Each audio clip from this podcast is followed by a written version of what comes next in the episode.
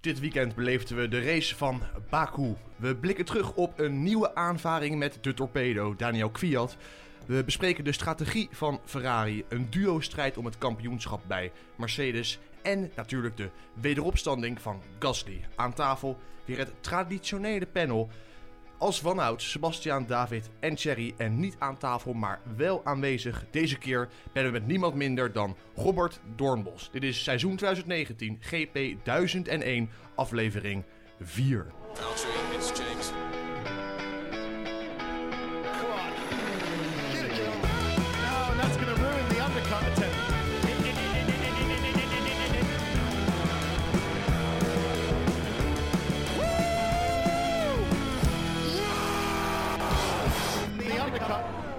Mannen, welkom. De Grand Prix van Azerbeidzjan was niet echt een spektakel, moeten we constateren, jongens. Nee, dat klopt. Ik eh, ben halverwege de race in slaap gevallen en ik werd... nee, nee het, was, het, viel, eh, het viel echt tegen. Ik Ja. eh, had er echt veel, veel, veel meer van verwacht. En dat kwam misschien ook wel een beetje omdat het met het hele weekend met heel veel spektakel begon. Ja, precies. Dus daardoor ging je voor jezelf toch wel een beetje die race hypen. En ja, eigenlijk zag je het al een beetje aankomen bij de, spar- bij de start. Maar goed, daarover later, meer. Precies. Ja. Sebas kent Zo inmiddels het vaste gestudeerd. riedeltje. Ja, zo lijkt het wel. Eh, Zometeen inderdaad eh, gaan we nabeschouwen op de race. Dan bespreken we inderdaad ook de vrijdag misschien eventjes. Ehm, wij zitten dus hier aan tafel. Het vaste panel, zoals gezegd, David, Thierry en Sebastian. Niet aan tafel, maar wel van de partij is Robert Doornbos dit keer. We spraken hem vlak na de race gisteravond. En over de kwaliteit van Gasly zei hij het volgende. Die waanzinnig was bij Toro Rosso, is een beetje overrated. Omdat zijn teamgenoot Brandon Hartley eh, absoluut niet weg, overweg kon met een Formule 1 auto. Dat is een hele leuke, goede lange afstandsracer. Ja. Dan leek Ja. het al gauw alsof Gasly echt de next big thing was. Maar ja, dan krijg je Max als teammaat en dan is het in één keer heel confronterend. Ja, dan is het een keer heel confronterend. Zometeen een uitgebreider gesprek met Robert Dornbos. Maar eerst zoals altijd het nieuws van deze week. Ja, Sebas, is van alles om over, eh, over na te praten en na te tafelen. Dat gaan we ook doen. Maar wat is jou het meest in het oog gesprongen qua nieuwsontwikkeling afgelopen week? Ehm, nou, ik wil het eigenlijk toch nog even linken aan eh, Baku. Ik zat eh, vrijdagavond na de twee trainingen. Zat ik eigenlijk te denken van, ja, Baku in de afgelopen twee jaar... eh, was eigenlijk buitengewoon spannende race. En ik dacht, ja, is dit misschien een beetje de, de kant waar de Formule 1 naartoe moet gaan? Dus meer stratenraces, zorgen voor meer actie. Eh, tevens is het ook voor de fabrikanten. Is het misschien interessanter om op dit soort eh, circuits te racen. Omdat ze dan wat meer een ja, directe link hebben ook met stratenauto's. Ja. Dus ik had er een heel stuk voor voorbereid. Maar ja, toen was de race afgelopen. Toen dacht ik, ja, is dit dan wel de kant waar we naartoe op willen gaan? en eigenlijk zegt het misschien toch niet zo heel erg veel. Ehm, ja, Ja, jou- jouw plan viel in duigen. ja, viel in duigen uit. Ik, eh, wat, wat ik op zich, ja, wat, wat, wat ik op zich nog wel opvallend vond, maar goed, dat is, dat is meer een, een klein dingetje. Kijk, we hebben natuurlijk eh, aan het einde van vorig seizoen zat het natuurlijk allemaal best wel eh, droevig om het feit dat een coureur als Esteban Ocon Mhm. ja, dit jaar niet in de Formule 1 rijdt. En we waren er toen volgens mij bijna allemaal stellig van overtuigd dat hij waarschijnlijk na dit seizoen zal instappen bij de Mercedes. Maar nu we Bottas 2.0, 3.0, eh eh, we baarde Bottas eh, dit weekend toch ook alweer een dijk van een race hebben zien rijden. Ja, vraag ik me af waar Ocon volgend jaar zijn hel moet gaan zoeken. Ja, je zag de camera's, zag je na de, na de race, werd, werd vanuit tenminste het officiële eh camerastandpunt van de FIA, zag je even ja. kort op Ocon. En je zag hem, ja, blij zijn voor het team. Maar hij zag, kiespijn die ja, dachten, zeg maar. maar volgens mij al voor de tweede keer dit seizoen, dat hij, dat hij toch een beetje zoiets had van, ja, Hij keek de even blij behaarde- als in Australië. Wat zeg je, wat zeg Hij keek even blij als in Australië. Ja, ja, de behaarde en bebaarde Bottas is een gevaar voor Ocon, eh Daaf, zegt eh, Sebas. Als Valtteri natuurlijk zo blijft doen, ja, dan zal Valtteri blijven. Maar we, zijn, we zitten pas in race 4, dus dat moeten we maar zien. Maar de enige plek waar Ocon naartoe mag, of kan, is natuurlijk naar Williams. En dan denk ik het plekje van Kubica overnemen. Ja, ja, dat is niet, ook niet echt een eh, te prefereren rol, moet ik zeggen. Als je Nee. waar Williams nu staat. dit seizoen nog? Zou die misschien eh, Nee. Claire Williams kunnen overpakken? Teamleider. Ja, hij doet wel ervaring op bij Mercedes, dus dat kunnen ze misschien ja. wel gebruiken bij eh, van Toto Williams. Wolff. Eh, David, blijf even bij jou. Wat, wat viel jou op deze week? Wat, waar heb jij voor ons naar gekeken? Ik heb naar de Formule 2 gekeken en ik moet Kijk zeggen, eh, dat kunnen we natuurlijk na de Formule 1 race pas zeggen, maar dat was een waar spektakel. Eigenlijk wat de Formule 1 had moeten zijn. Dat was de Formule 2 safety cars, een stuk of vier in race 2 dan Nick de Vries, die eh, de eerste race tweede werd. En de tweede race, nou, daar werd hij uiteindelijk vierde. Had wel meer ingezeten, maar goed, er was daar zoveel spektakel te zien. Gaaf, joh. Even voor de mensen die dat niet weten, waaronder ik. Wanneer moet je de Formule 2 überhaupt kijken? Wanneer moet je daarop afstemmen? Eh, die hebben minder races dan de Formule 1. En die zijn op zaterdag is de kwalificatie en race 1 en race 2 is op zondag. Oké, dus niet, niet helemaal synchroon met Formule 1. Dus je Nee. moet echt even opletten wel. Kortom, luisteraars, de boeken in en eh, de knipselkranten opzoeken en een schema van maken zelf. Zometeen gaan we nabeschouwen op de Formule 1 race. Nu eerst het woord aan de expert. We hoorden net al eventjes. Robert Dornbos. Jij voorspelde ehm, zaterdagmiddag een, een casino van Baku. Of althans, je sprak van het casinogevoel in Baku. Maar het is niet Ja. helemaal de race waar wij eh, à la spektakel van een casino op hoopten, geloof ik. Nee, nee, nee, nee. Als het echt een casino was geweest, dan had uh, Lance Stroll die race gewonnen. En dan, eh, dan had ik vanavond in Holland Casino gestaan waarschijnlijk. Ja. Ehm, de, ja, de vrijdag begon natuurlijk al rommelig met, eh, met crashes. En, eh, ja, en Charles Leclerc die, eh, die wellicht gewoon eh, een heel mooi weekend eh, zomaar even weggooit in bocht 9. Ja. Eh, nadat Kubica hem daar ook had eh, geparkeerd. Dus dat was toch eh, natuurlijk vooraan aan de start. Had hij ook ander bandenmanagement kunnen doen. Nu moest hij een hoop mensen inhalen. Ja. Absoluut een, een toekomstige kampioen. Ja. Die, die, die nu nog moet leren. Ehm, maar je ziet al het respect dat hij heeft afgedwongen, ook in de paddock. Dus ja, dan, dan gooi je snel hoge ogen. En als je het ook al dan, eh, ja, dan, dan word je snel het lievelingetje bij Ferrari. Dus daar is hij gewoon goed op weg ehm, naartoe. Eigenlijk heel het weekend had hij Vettel in zijn zak zitten. Dus dan, ja, dan is zijn job al gedaan. Echt alle druk ligt natuurlijk momenteel gewoon bij het team en bij, en bij Sebastian. Ehm, en met name wat ik ook heel knap vind is hoe hij het gewoon verbaal verwoordt. Hoe hij hoe die, die druk eh, toch steeds terugplaatst bij, eh, bij het team. Ik voorspel wel een rebelse fase voor hem. Dat hij eigenlijk dit weekend had ik wel willen zien. Dat hij gewoon zegt, net als Lewis Hamilton in 2007 bij McLaren samen met eh, Alonso, dat hij op een gegeven moment zegt, oké, tot hier en niet verder. Ja. Want ehm, Ja, nu gaan mijn kaarten een beetje de slachtoffer, leek het wel, eh, vanmiddag. Ja, Toch? ja, ja, daar ben ik helemaal mee eens. Maar hij heeft zichzelf natuurlijk ook wel een beetje in die positie gebracht. Ja. Dat en, en het was ook had, hij, had hij op dat moment nog kunnen zeggen, ik pak een vroegere pitstop. En daarmee ben ik, ben, verlies ik niet al die, al die rondes lang secondes op wat, er, wat eraan komt. Dat was een soort van een stootblok, leek het wel. Ja, hij had, hij had in mijn optiek inderdaad wel drie ronden eerder naar binnen gekund. Mhm. Maar ehm, waarschijnlijk de, de, de, de calculaties die zij maken met die banden. Nou, je zag hoe slecht die Ferrari is op die, op die, op die zachte compound, Ja. op, de, op de soft. Ja, de rode band. Ja, hij deed op die medium, dus je probeert eigenlijk die eerste stint dan zo lang mogelijk te rekken. Zodat je zo min mogelijk pijn hebt op die soft. Ja. Nou ja, en, dat, en dat viel uiteindelijk in het water. En dan, ja, die snelste ronde was dan nog een, een schale troost eh, voor, ehm, voor die tweede stop die hij moest maken. Ja. Maar eh, ja, daardoor cijfer je jezelf wel weg op een. eh, had er een podium voor me ingezeten. En dan werd het uiteindelijk toch Vettel die dat podium eh, gegund kreeg binnen het team.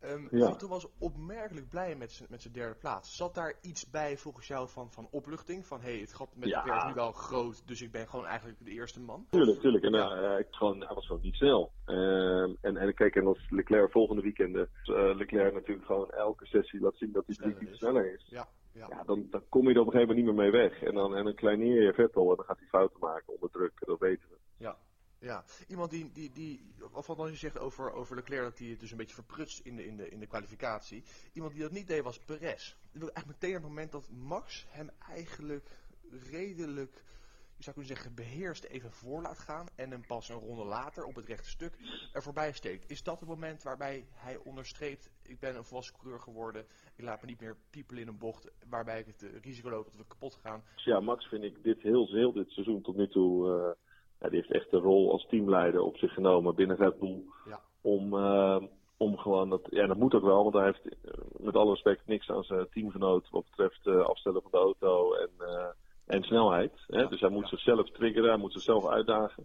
En hij moet zelf af en toe boven zijn eigen materiaal uitstijgen. En dat deed hij vanmiddag in die tweede stint. ja, als geen ander. Wa- Waanzinnig. Echt heel knap. wat dat betreft is het interessant naar, naar Gasly te kijken. Die eigenlijk misschien wel voor het eerst hier op dit circuit liet zien dat hij, dat hij het kon. Hij eerst plaatst hij inhaalacties op, een, op plekken van het circuit waar je dat eigenlijk niet helemaal verwacht. En vervolgens verdedigt hij redelijk adequaat Leclerc. Dat hebben we... Eh, nee, nee, nee, zeker niet. Eh, ik denk dat het goed voor zijn zelfvertrouwen is geweest dit weekend. Eh, hij heeft drie hele zware gehad. Eh, dus dat, en een hele zware winter. Met name daar is het natuurlijk fout gegaan. Als je twee keer die auto plat rijdt in, in, in de testen. En daarmee voel je dat je niet het geliefde poppetje bent eh, in het team. Dus die heeft wellicht even met de handrem erop gereden de eerste paar weekenden. eh, het verschil van vorig jaar, dat hij waanzinnig was bij Toro Rosso, is een beetje overrated. Omdat zijn teamgenoot Brandon Hartley eh, absoluut niet weg, overweg komt met een Formule 1 auto. Dat is een hele leuke, goede lange afstandsracer. Ja. Dan leek Ja. het al gauw alsof Gasly echt de next big thing was. Maar ja, dan krijg je Max als teammaat en dan is het in één keer heel confronterend. Dus wat hij gewoon moet Ja. doen is uh, ja, zijn hoofd naar beneden houden, de positieve van dit weekend pakken. En die mooie inhaalacties ben ik helemaal met je eens. Maar dat is ook omdat je laatste start met een goede auto. Tot slot, eh, eh, Robert, het is bedoel, de rookwolken in, eh, in Baku trekken nog op. Maar als we een klein beetje vooruitkijken naar Barcelona, spieken, verwacht je dat, dat, dat de sterke dominantie van Mercedes zich doorzet daar? Of denk je dat Red Bull misschien met die update misschien net een stap extra kan zetten vergeleken met andere teams? Is daar iets over Nou ja, te zeggen? al- als het, eh, als het de vijfde 1-2 wordt van Mercedes dan, eh, en er gebeuren geen gekke dingen in de race, dan, dan ga ik me toch wel lichtelijk zorgen maken. Eh, want in Barcelona, Barcelona weten ze gewoon, daar neemt eigenlijk elk team hun grootste upgrade mee naar Barcelona. Omdat je dan die data, je, je hebt zoveel data van de afgelopen jaren en van de afgelopen winter. Kijk, Ferrari zal er heel relaxed naartoe gaan als winterkampioen. Maar in de tussentijd is natuurlijk wel een hoop veranderd. Eh, Ja, dus de Mercedes leuk begonnen met die vier races, maar de volgende race weten we pas echt waar ze staan eigenlijk. Ja, en ook omdat iedereen eh, gewoon die grote pakketten meeneemt. Kijk, Red Bull die zal echt wel met een eh, bijna nieuwe auto komen. Eh, want die Zo- weten met deze auto... is. Ja, ja, ik denk dat ze wel die keuze hebben gemaakt. Omdat ze toch wel vanuit kunnen gaan dat die Honda motor wel gewoon doet wat hij moet doen. En Oké. zal staag nog wat pk erbij winnen. Ja. Maar willen zij echt, echt een vuist kunnen maken en een aantal races kunnen winnen en eh, gewoon vooraan meedoen. Ja, dan moet, je, dan moet je niet alleen met een nieuwe voorvleugel komen, zeg maar. Dan moet je echt serieus eh aanpassing. En dat doen ze. Want veel kosten en moeite worden gespaard, dat weet ik. Eh, dus ik, ben- ik ben ook heel benieuwd waar ze mee komen. Ik hoop dat het iets eh, verschrikkelijk snel is waar je gewoon, ja, dat we allemaal weer gaan kunnen genieten van, van een Max die wiel aan wiel gaat met een Hamilton of een Bottas. Want hoe mooi was dat de afgelopen jaren? Je zit nu toch, eh, die vierde plek is mooi. En nou, dat is af en toe een beetje no man's land. eh, zit hij er achteraan. En Ja. dat, is, dat is niks voor hem. En dat is niks voor ons als liefhebber. Dus Nee. eh Nee. Red Bull eh, moet aan de bak. Ontzettend veel dank, Robert. Ja, jongens, Robert, hij zegt een, een, een, een hoop elementen waar we op kunnen voortborduren. Maar onder andere, Pierre Gasly is eigenlijk overrated. Zijn we het daarmee aan... Nou ja, je moet een heel goede theorie hebben om het niet met Robert eens te zijn trouwens. Maar herkennen jullie wat hij zegt? Ja, ik, ik denk ook wel dat hij overrated is. Hij is misschien ook wel bij het gebrek aan een betere coureur bij Red Bull... eh, misschien wel te snel naar voren geschoven. Hm. En ja, dan verbleekt hij gewoon naast iemand eh, zoals Verstappen. Char? Ik denk vooral dat hij, en wat hij eigenlijk ook al zei, is dat Gasly natuurlijk gewoon de wintertest voor Red Bull gewoon behoorlijk, eh, ja, zacht gezegd, echt verpest heeft. Ja. Met name gewoon de laatste dagen. En ik denk dat hij daar gewoon echt een enorme deuk heeft gekregen in zijn zelfvertrouwen. Dat neemt hij nu gewoon de eerste paar ra- races mee. Dat hebben we ook gezien, eh, nou dat hebben we ook duidelijk gezien. En in Baku zag je hem voor het eerst. Onder andere omdat hij het ook wel moest. Ik bedoel, vanuit, hij moest vanuit de pitlane starten. En dat is eigenlijk een beetje het moment waarop hij zich ook kon bewijzen. Ik bedoel, Verstappen deed dat vorig jaar ook. Mhm. Door in Rusland was dat geloof ik eh, van die fenomenale inhaalraces eh, te rijden. En dat Uit moet Gasly natuurlijk ja. ook doen. Ja. Om een beetje, een beetje bij te komen. Dat heeft hij heel netjes gedaan. Ehm, je zag op een gegeven moment wel, onder andere wel, dat hij op een andere strategie reed. Dat hij eh, Verstappen niet bij kon houden. Maar ik denk wel dat het ja, een positieve race is voor Gasly. Om nou echt per se te zeggen hij is overrated. Bij Toro Rosso is nog lastig te zeggen, denk ik nu. Oké, oké. We danken Robert voor nu, voor zijn eh, gesprek. En van de experts een klein stapje naar ons eigen vaste panel. We gaan nabeschouwen op de race. Ja, en David, begin ik uiteraard bij jou. Onze startman. Dat ging niet helemaal van leien dakje eens meer voor Max. Nee, absoluut niet. Hij had wel hij had geen wereldstart. En dat heeft hij dit seizoen eigenlijk nog helemaal niet gehad. Nee. Verloor meteen zijn plekje aan Perez. En daardoor verloor hij ook een beetje zijn aansluiting op Vettel en de beide Mercedes'en. Dat was Mhm. heel erg jammer om te zien. Maar goed, Valtteri daarentegen had wel een goede start. Met Hamilton naast hem natuurlijk. En hij liet hem ook staan. Hij remde laat. Dus dat vond ik heel erg mooi om te zien. En ik had het absoluut niet verwacht van Bottas. Ja, die is, die is, die is inderdaad in bloedvorm als je dat zo bekijkt. Hè. Bij pakt Pol, snoept hij weg voor Hamilton op zaterdag.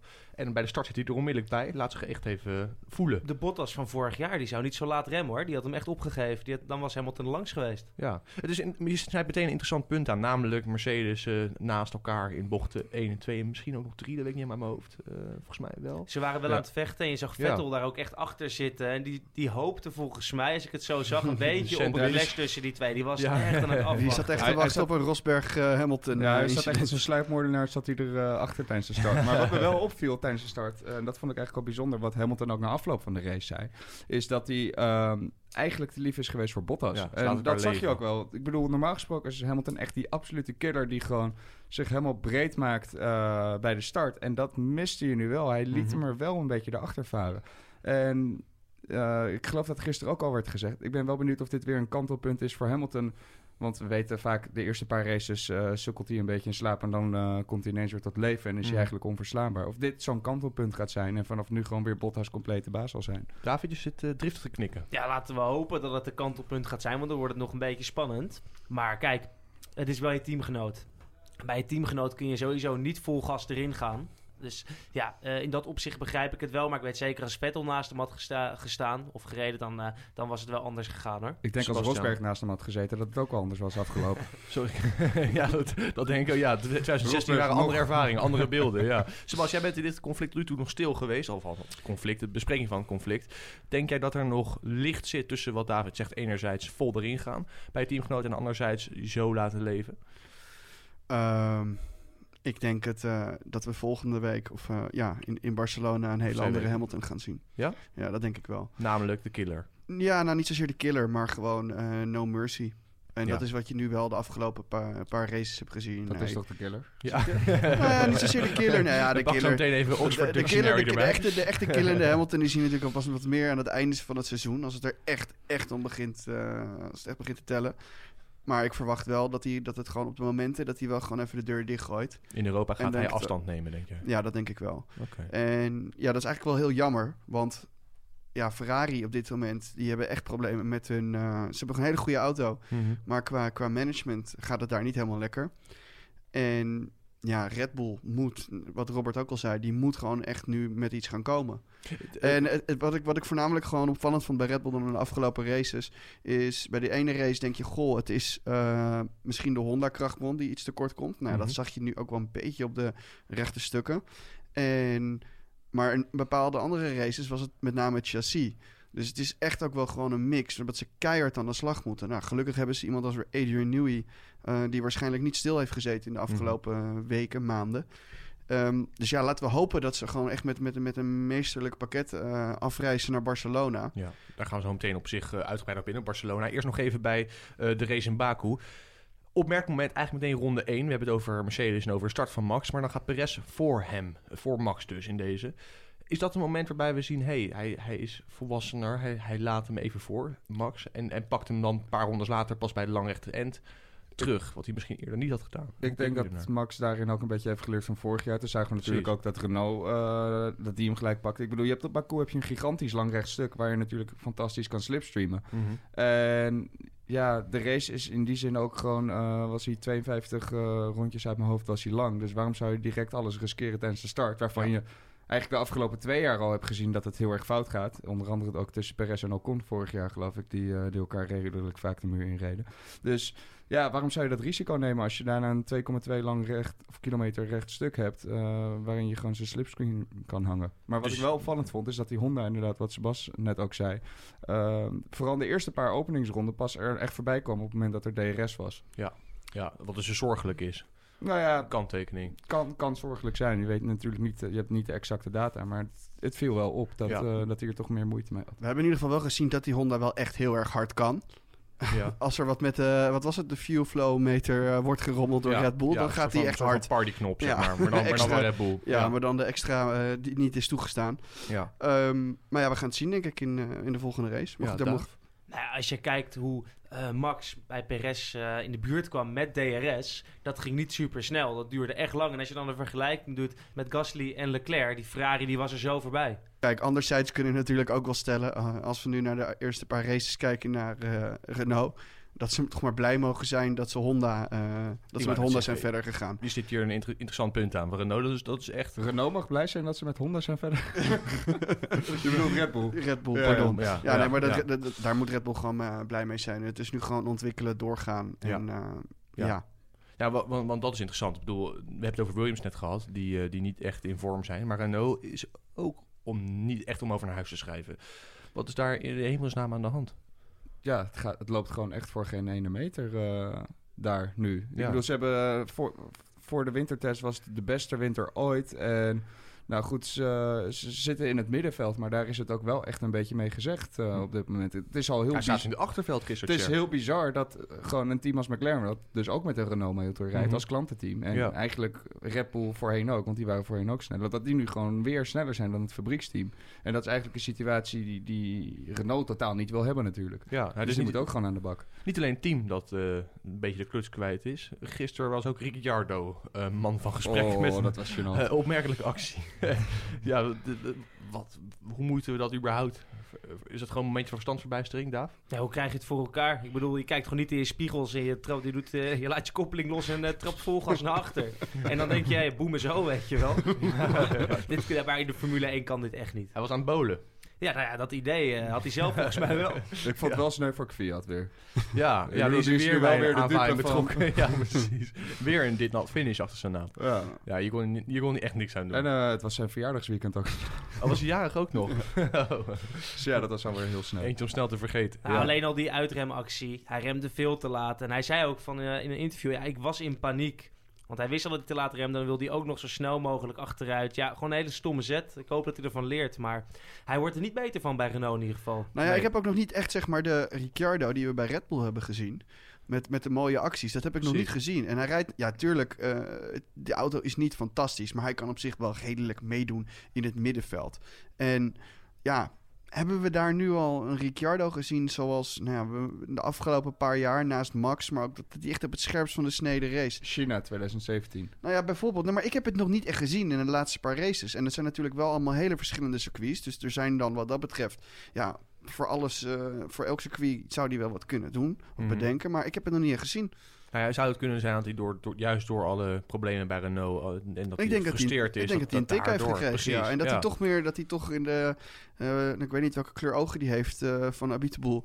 Maar dat hij erin naar heeft gekeken en dacht van ja, dat gaat hem helemaal worden. paniek in die ogen. Ja, maar ja, Ik denk dat hij ook met een schuin oog nu wel, eh, of met een heel verdrietig oog eigenlijk richting Red Bull Racing en Honda kijkt. En dat hij denkt, wat heb ik in godsnaam gedaan voor die, eh, wat was het, 20 Is dat zo? Cher? Want, want zoveel is Red Bull er ook niet opgeschoten. Dus we zaten vorig jaar gewoon, zeker in het begin van het seizoen, race om de vierde, vijfde plek. En dat is nu toch ook zo? Ja, klopt. Maar Dus, dus tegelijk, dat zou eenzelfde scenario zijn. tegelijkertijd, wat, wat Ricciardo zei is, eh, naast dat hele Baku-drama van Verstappen van vorig jaar, want dat was scheen ook Hmm, een van de redenen tuurlijk. zijn dat hij vertrok, is dat hij eigenlijk totaal geen vertrouwen had in het hele Honda-project. En je ziet wel dat ondanks eh, dat Red gewoon van motorleverancier eh, is gewisseld, wat een enorm risico is, dat ze wel hun zaakjes dusdanig op elkaar hebben dat ze dit jaar gewoon nog wel mee kunnen doen om dezelfde plek. En laten we ook niet vergeten dat Verstappen nu überhaupt zijn beste seizoenstart ooit heeft gehad. Die Ja. pakt gewoon echt alleen maar punten, terwijl we vorig jaar weet ik veel hoeveel uitvalbeurten al... eh, Ja, Ze ja dat was een niet per se aan de auto te wijten, moeten we nou, eerlijkheidshalve het is bekennen, toch? Het, het is gecombineerd. Het is Ja. gecombineerd. Maar Red Bull heeft sowieso hun zaakjes beter op orde dan Renault. En dat zie je nu ook. Andersom. Eh, sorry, ja, Red Bull inderdaad, Peter Ja, van Renault. kijk, daarnaast de beginstart van, van Verstappen eh, vorig jaar. Ja, dat werd natuurlijk al ja, onvolwassen, iets minder gretig. Eh er kan natuurlijk ook een stukje frustratie bij kijken. Dat, dat het gewoon het materiaal niet in orde was. En dan Ja. ga je op een gegeven moment ook wat agressiever, wat feller rijden. En ja. ja. en dan heb je er wat meer maling aan. Dan denk je van, weet je wat, dat zal allemaal wel. Ja. En dat zie je gewoon. Nu is het gewoon ja, relatief goed. Het gaat misschien niet net zo hard als Mercedes als Ferrari. Maar het blijft wel heel. Het is wel consistent. Ja. Ja. Iemand die eh, meer uit zijn auto zou kunnen halen, of misschien wel meer uit zijn auto zou moeten halen, is ehm, de man bij Ferrari, namelijk Vettel. Wat willen we, even overal gezien, eh Daaf, wat, wat zijn de conclusies als je naar Ferrari kijkt? Nou ja. Leclerc is gewoon super snel. En Vettel die laat het in principe gewoon een beetje liggen. Ja, hij kwalificeert eh, als derde. Mhm. Maar ik heb gewoon het idee dat hij helemaal zijn drive kwijt is. Die killermentaliteit die we in de Red Bull tijd bij hem zagen... was natuurlijk wel een dominante auto. Mhm. Maar ik herken de Vettel van vroeger niet meer. En ik, ik vraag me af waar dat door komt. Hij heeft een supersnelle teamgenoot. Dus je zou, je zou denken dat hij wel echt Extra gepusht wordt. Ja. Maar eh, het komt er absoluut niet uit bij hem nu. En, en Robert Doornbos zegt, ik denk dat eh, binnenkort Leclerc gaat rebelleren. Dat hij zegt van ja, hoezo Vettel eh, met stip op één.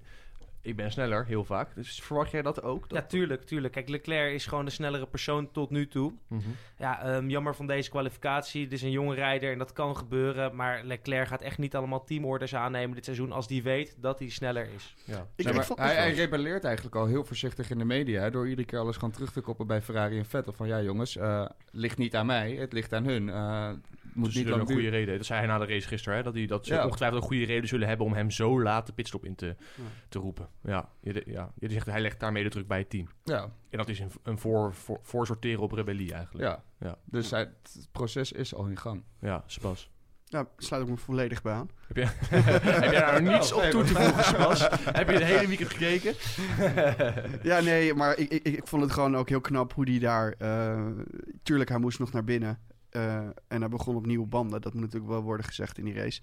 Ehm, maar hoe hij er, zich daar naar, naar voren wist te vechten... Ja, dat was gewoon heel, heel, heel knap. En dat deed hij gewoon heel erg goed. Is het dan Maar- niet heel raar dat vervolgens dat hij op die positie ligt? Wat wij zeggen, Cher? Ja, ik vind het... ik- Even dan wel terugrakend op die pitstop. Dat ik het gewoon niet begreep. Dat op het moment dat Leclerc eigenlijk... ehm, wat was het? Die zat in de buurt van Vettel. Die had zich helemaal naar voren gereden. Als hij op dat moment gewoon was gepit... Want Hamilton dook op dat moment ook de pits in. Dan was hij gewoon op die vers geband. Dan kon hij gewoon gelijk weer Ja. de Mercedes Ja, aanvallen. Waarschijnlijk weer een gat trekken. Precies. Ja. En had hij op, op het einde had hij misschien nog 15 seconden, laat ik zeggen, voorsprong. En dan kon hij op de Superstos nog een keer gaan knallen. En dan was hij sowieso, had hij de race kunnen winnen. En ik begreep niet waarom Ferrari dat, eh, dat zoiets niet deed. En Precies, ja. Ik denk dat het misschien een paar zwarte regeltjes zijn in het contract van Sebastian Vettel. ongetwijfeld. Ja, Ongetwijfeld. Ja, en gewoon alle prioriteit 1 heeft. En, eh, ja, Ja, maar wil ik wel een beetje op terugkomen. Ik ben het wel deels met je eens, eh Thierry. Maar je zag wel dat die Supersoft, zeg maar, die deden hun best echt totaal niet. Ik vond die gele band zag er veel beter uit. Als je eenmaal de temperatuur kwijt was uit Ja, maar die dat- rode band, was klaar. Dat bedoel ik. Als je Leclerc had hij, had hij überhaupt eigenlijk nog misschien dat dat de reden was dat hij geen twee eh, setjes schil had. Maar als je hem dan nog een keer op die geel had gezet, want hij werd daarna werd, moest hij nog een keer naar binnen. Ja, precies. Dan, eh, dan was het toch een veel betere. Maar het is gewoon weer typisch Ferrari. Ze willen Vettel tevreden houden, somehow. Het zal wel wat, eh zoals zij met een paar zwarte lettertjes in het contract staan. Maar dit was Rode echt ja, maar puur kom op, je wil op een gegeven moment als team moet je natuurlijk ook punten gaan pakken. En ik bedoel, Mercedes die, eh, die, staat nu echt al gewoon keihard aan de leiding. Ferrari sta- loopt al flink wat punten achter. Nou, Red Bull eh, met Gasly, dat is... ja, die hebben het ook eh, nog wel even zwaar. dat zijn de Maar, topteams. maar hè, goed, eh, als Ferrari zou nu wel zeggen van... nou, zeker als je gewoon nu weer het WK wil winnen... eh, zet dan ook alles op beide coureurs. Of probeer hem in ieder geval op de best mogelijke strategie te zetten. Want je verliest nu gewoon wel weer een eh, vierde plek aan Verstappen. Wat voor ons heel chill is, maar Ja. voor Ferrari natuurlijk niet. Nee, tot zover de topteams. Wie viel erop daar direct achter, de, de, in het middenveld? Wat, wa- waar waren we van onder de indruk? eh, jongens? Robert Kubica. ja. ja, niet... Het is gelijk stil. Ja, Ja, ja, ik heb daar niet meer echt iets op te? Nee? Nou ja, nou, was, laat ik wel een voorzetje doen. McLaren, toch? Die waren Ja, nee, McLaren- absoluut. McLaren McLaren eh, viel echt Ja, op. Ja, ja. Hebben jullie überhaupt gekeken, jongens? Zeker, nee, ja, nee, McLaren inderdaad. Maar dat, dat is ook wel weer goed om te zien. Dat ze, ze zitten er gewoon stevig bij. En daar hadden we het net ook al even kort over. Ik had eigenlijk meer verwacht van, eh, van Renault eh, tijdens dit seizoen. En je ziet eigenlijk wel een beetje dat McLaren nu het chassis Het redelijk in orde... Ja, misschien ja. En dan met een, met een Franse motor achterin. Ja, ze hebben Ja. ook gewoon twee goede coureurs nu wel. Ik Ja. bedoel, Carlos Sainz is gewoon een degelijke coureur. En die Lando Norris, zeker gewoon in China. En eh, ik vond hem nu ook alweer sterk dat hij eh die begint Nou, weet je ook wie te bewijzen. Waar, wie ik eigenlijk wel vond opvallen, maar dat was meer ook eh, tijdens, eh, tenminste voor de race eigenlijk al, in de eerste paar sessies, was Alexander ja. En die vind ik sowieso eigenlijk dit seizoen best wel opvallen. Want je, eh Kvyat, iedereen verwacht natuurlijk van Kvyat, ja, die, die heeft de ervaring, en alles. Ja. Maar die Albon, ja, die maakt, is voornamelijk nu gewoon nog jong, maakt nog wat foutjes en is niet consistent. Maar hij is wel bloedsnel. Hij is echt bloedsnel. ja, zijn we het daarmee eens, Daaf? Ja, absoluut agressieve rijstijl. Je zag hem ook al een paar keer tegen die barriers aankomen Ja. met die eh, achterwielen. Nee, maar die jongen die is echt, die rijdt agressief. Rijdt op zich nog niet heel constant. Nee. Maar er gaat wel veel in zitten bij Toro Rosso. En misschien wel bij Red Bull voor deze jongen. hoor. Ja, dat Ja. gaat wel komen, denk ik. Albon had vooral abonnement op de barriers bij bocht 1, geloof ik. Zo, dat, ja, daar heeft hij de man zodat hij inderdaad zijn eh, wagen niet nog kapot ja, rijdt. ja, dat is toch Wel, bijzonder. wel spectaculair. Jongens, als we het geheel overzien, hè, dus zowel een Albon als, als een McLaren, overigens Rijkonen, knap een punt nog gepakt. Ja. Ehm, als we het geheel overzien, wat zijn dan de conclusies van de raceweekend, het, het raceweekend? Dat zodra er een Formule 2 race is die heel spectaculair is, dat de race echt helemaal. Nou ja, dat is dan de les. nou ja, dat, dat, dat Baku toch dus niet altijd voor spektakel, eh, of tenminste niet de garantie is eh, op spektakel. Precies, Misschien ja. wel. Eerste jaar was het niet echt eh heel Was niet echt bijzonder. goed, ja, dit was Twee jaar daarna wel. Ja, En dit nu is, weer iets ja. minder. En misschien dat Ja. Pirelli toch nog een keer naar de banden moet gaan kijken. Want als je een Ja. virtual safety car hebt en eh, niet heel veel mensen krijgen de banden nog lekker aan de praat. eh, ja, dat is wel jammer, want dan gaat het race. dat- daar- ja, het gaat ten koste van het racen. Dat Ja. was echt zonde Ja. hoor. Want Ja. ik zat echt te wachten op die inhaalactie van Verstappen op Vettel. Ja, eh, maar of in ieder geval een mooi met De duel. aandrijf, eh, en met de aandrijfas, hè? Nee, ik kreeg Doodse zijn banden niet meer op temperatuur. Dat zei Oh, ik bij het maar interview. hij, ze hebben hem ook eh, gezegd van blijf van de curbs af. En Ja. ze hebben de motor alles wat teruggeschroefd, waardoor die heel snel weer, eh, waardoor Vettel weer uitliep. Ja, dus zo- het was niet alleen de band, het was een combinatie van Over twee weken heeft de Red Bull in elk geval een upgrade. Daar gaan we zo meteen over praten, over wat er te verwachten valt van de race in Barcelona. Maar eerst gaan we kijken naar wat jullie, namelijk de lezers van de site, hebben ingestuurd voor vragen bij de sociale mediaronde. Ja, de beste nieuws en het vragen van social wordt verzameld door David. David, wat waren de, de meest prangende vragen die jij kreeg opgestuurd? Op Instagram hadden we een eh vragenlij of een, eh, een, eh, een vragenronde. Had Hamilton het Bottas moeilijker kunnen maken van Aaron Sikkema? Nou, Cher, wat vind jij? Eh, ja, nou daar hebben we het eigenlijk begin hebben we het daar al over gehad. Ik was eigenlijk heel erg verbaasd dat Lewis Hamilton nog een beetje ja, in zijn killer mentaliteit moet komen. En gewoon Bottas eh kosten wat het kost, gewoon het leven zuur moet maken. Eh, aan de andere kant heeft dat de race ook wel wat interessanter gemaakt. Omdat we vooral tijdens de eindfase nu een gevecht kregen. En als dat tijdens het begin al klaar was geweest, dan was Hamilton waarschijnlijk weggereden. Maar en goed, waren wij voor in zijn- slaap gevallen tijdens Ja. de race. Exact. maar gewoon voor het, eh, ja, voor het kampioenschapsplaatje van Hamilton had hij zeker wat agressiever kunnen zijn. Het gevecht op het eind was natuurlijk wel jammer, want hij kreeg ook een DRS volgens mij, Bottas, Ja. van Kubi. Ja, van een, van een Williams Ja. was dat, eh, die Ja, achterbleef. Ja. Maar je zag ook dat Bottas nog wel eventjes, want dat, dat, dat liet ze ook in die laatste ronde of ene laatste ronde zei Mercedes dat eh, tegen Bottas van goh, je, hij heeft een DRS, je mag eh, alle modus mag je gebruiken. Dus die Mercedes die werd echt volledig opengeschroefd. De tech-modus. Ja, en toen zag je ook nog wel dat er toch nog best wel wat marge zit eh, ja, qua snelheid in die motor. Dus de vraag is in hoeverre het was gelukt. Maar inderdaad, die DRS eh, door die Williams, ja, dat- die zorgde ervoor dat het gewoon niet meer te doen was. Antwoord op de vraag van Aaron Sikkema is dus ja, Hamilton had het moeilijk kunnen maken. Hebben we nog een vraag, Daaf? De strategie van Leclerc, daar hebben we natuurlijk eigenlijk al een beetje over gehad, net jongens. Ja. Ja, dat is ook wel een beetje het punt van de race. ja. Ja. Ja. ja. Die is gewoon weer maxima, veranderen? maximaal onder de bus gegooid. Eh, ik denk het niet. Voorlopig nog. Vettel die is inderdaad eh, het lievelingetje tot nu toe. En Leclerc zal echt gewoon keihard aan de poten moeten blijven zagen om... eh, Ja, misschien is het interessant om te kijken van wat moet Leclerc doen om te zorgen dat Ferrari ehm, toch gaat veranderen. En dat ze misschien iets meer de voorkeur aan Leclerc, of in ieder geval geen voorkeur hebben voor een coureur. Dan komen we eigenlijk terug op wat Robert Dormels zei, namelijk dat Charles Leclerc misschien eh, moet gaan rebelleren. En wellicht doet hij dat in Barcelona. We gaan voorbeschouwen op die race. Eh David, kijk eerst naar jou. Wat, wat voor circuit is dit? Een korte technische analyse. Het is een, eh, een echt circuit weer, heel wat anders dan Baku. Ehm, de eerste drie bochten, vooral bocht 3 trouwens, die is bijna helemaal vol gas. Nou, Gasly heeft ook wel ervaring op dit circuit om de muur te vinden. Dat is uit mijn hoofd bocht 9 à 10. Je Ehm, verwoordt het dat is heel nou- positief. Ja, nee, nee, maar dat zijn gewoon een hele gave bocht. Een bocht die eigenlijk omhoog gaat, blindelings naar, re- naar rechts. Ja, en die is gewoon, dat lijkt mij in ieder geval heel erg gaaf om te rijden. dat is die voor het tweede DRS-stuk ook. Ja, toch? klopt, klopt. En dit is ook een team wat alle coureurs heel goed kennen. En ik heb eigenlijk maar één vraag voor deze Grand Prix. Kan Gasly nu in de buurt van Max komen? Ik denk het niet. Nee? Nee, want anders hadden we het in de laatste paar races ook wel een beetje gezien. Kijk, tuurlijk, hij kent dit circuit wel. Maar, nou, ik, ik, laat het zo zeggen, ik zou verbaasd zijn als het zou gebeuren. Maar ik zie, ik zie het gewoon niet gebeuren. Mm, ik denk dat het nog best wel leuk kan worden. Ik zie zag wel dat Gasly weer een beetje peper in zijn reet heeft gekregen in Baku. En ik hoop eigenlijk dat die eh, peper in eh, Barcelona wat pittiger wordt. Ik zou het wel leuk vinden als hij een beetje bij kan houden. Want het zou wel vet zijn als Verstappen ook... Ik bedoel, die heeft nu gewoon compleet vrij spel binnen Red Bull. En het zou ook wel vet zijn als die een beetje gepusht wordt door zijn teamgenoot. Ik bedoel, dat zagen we de voorgaande jaren ook met Ricciardo. Die pusht elkaar echt naar een hoger niveau. En dat heeft hij nu, mist hij dat nog wel een beetje. Ondanks dat Verstappen echt fantastisch presteert, Ja. is het wel vet als je ook weer een beetje die, dat sfeertje bij Red Bull krijgt. We hopen op een wederopstanding van, eh, van Gasly. Dus Ja. wil je toevoegen? Ik hoop, eh, als Gasly weer achttiende van Max zit, zeg maar, erbuiten, dan den, en Monaco ook nog eens slecht presteert, dan is het exit, 100%. Denk je dat echt? Ja. Ja. Zo, gelijk Als doen Barcelona denken ook. tegenkomt, dan, eh, en, en, en, dan? Alexander Albon eh Ja, Albon? Of Leno Norris kopen? Fernando Op de Alonso valreep? terug. Alonso terug. Ja, het zou wel heel mooi zijn. Gaat denk ik niet gebeuren, maar Albon maakt op dit moment wel de meeste kans, denk ik. En, en wat moeten ze dan met Toro Rosso doen? Dan gaat Gasly terug naar Toro Dat Rosso. denk ik wel. Die mag daar nog een paar, eh, een Die paar gaat jaar Fiat, rijpen. eh, mag- Interessant. Zegt hij wel gelijk steun aan. Dan is het echt het team voor de sukkeltjes wat dat betreft. Vastgetekend, Sebas. Je moet jouw rijkwaliteit nog zien. Goed jongens, we gaan naar de voorspelling, de glazen bol. 1, 2, 3, even snelle ronde. Sebas, wie denk jij dat er...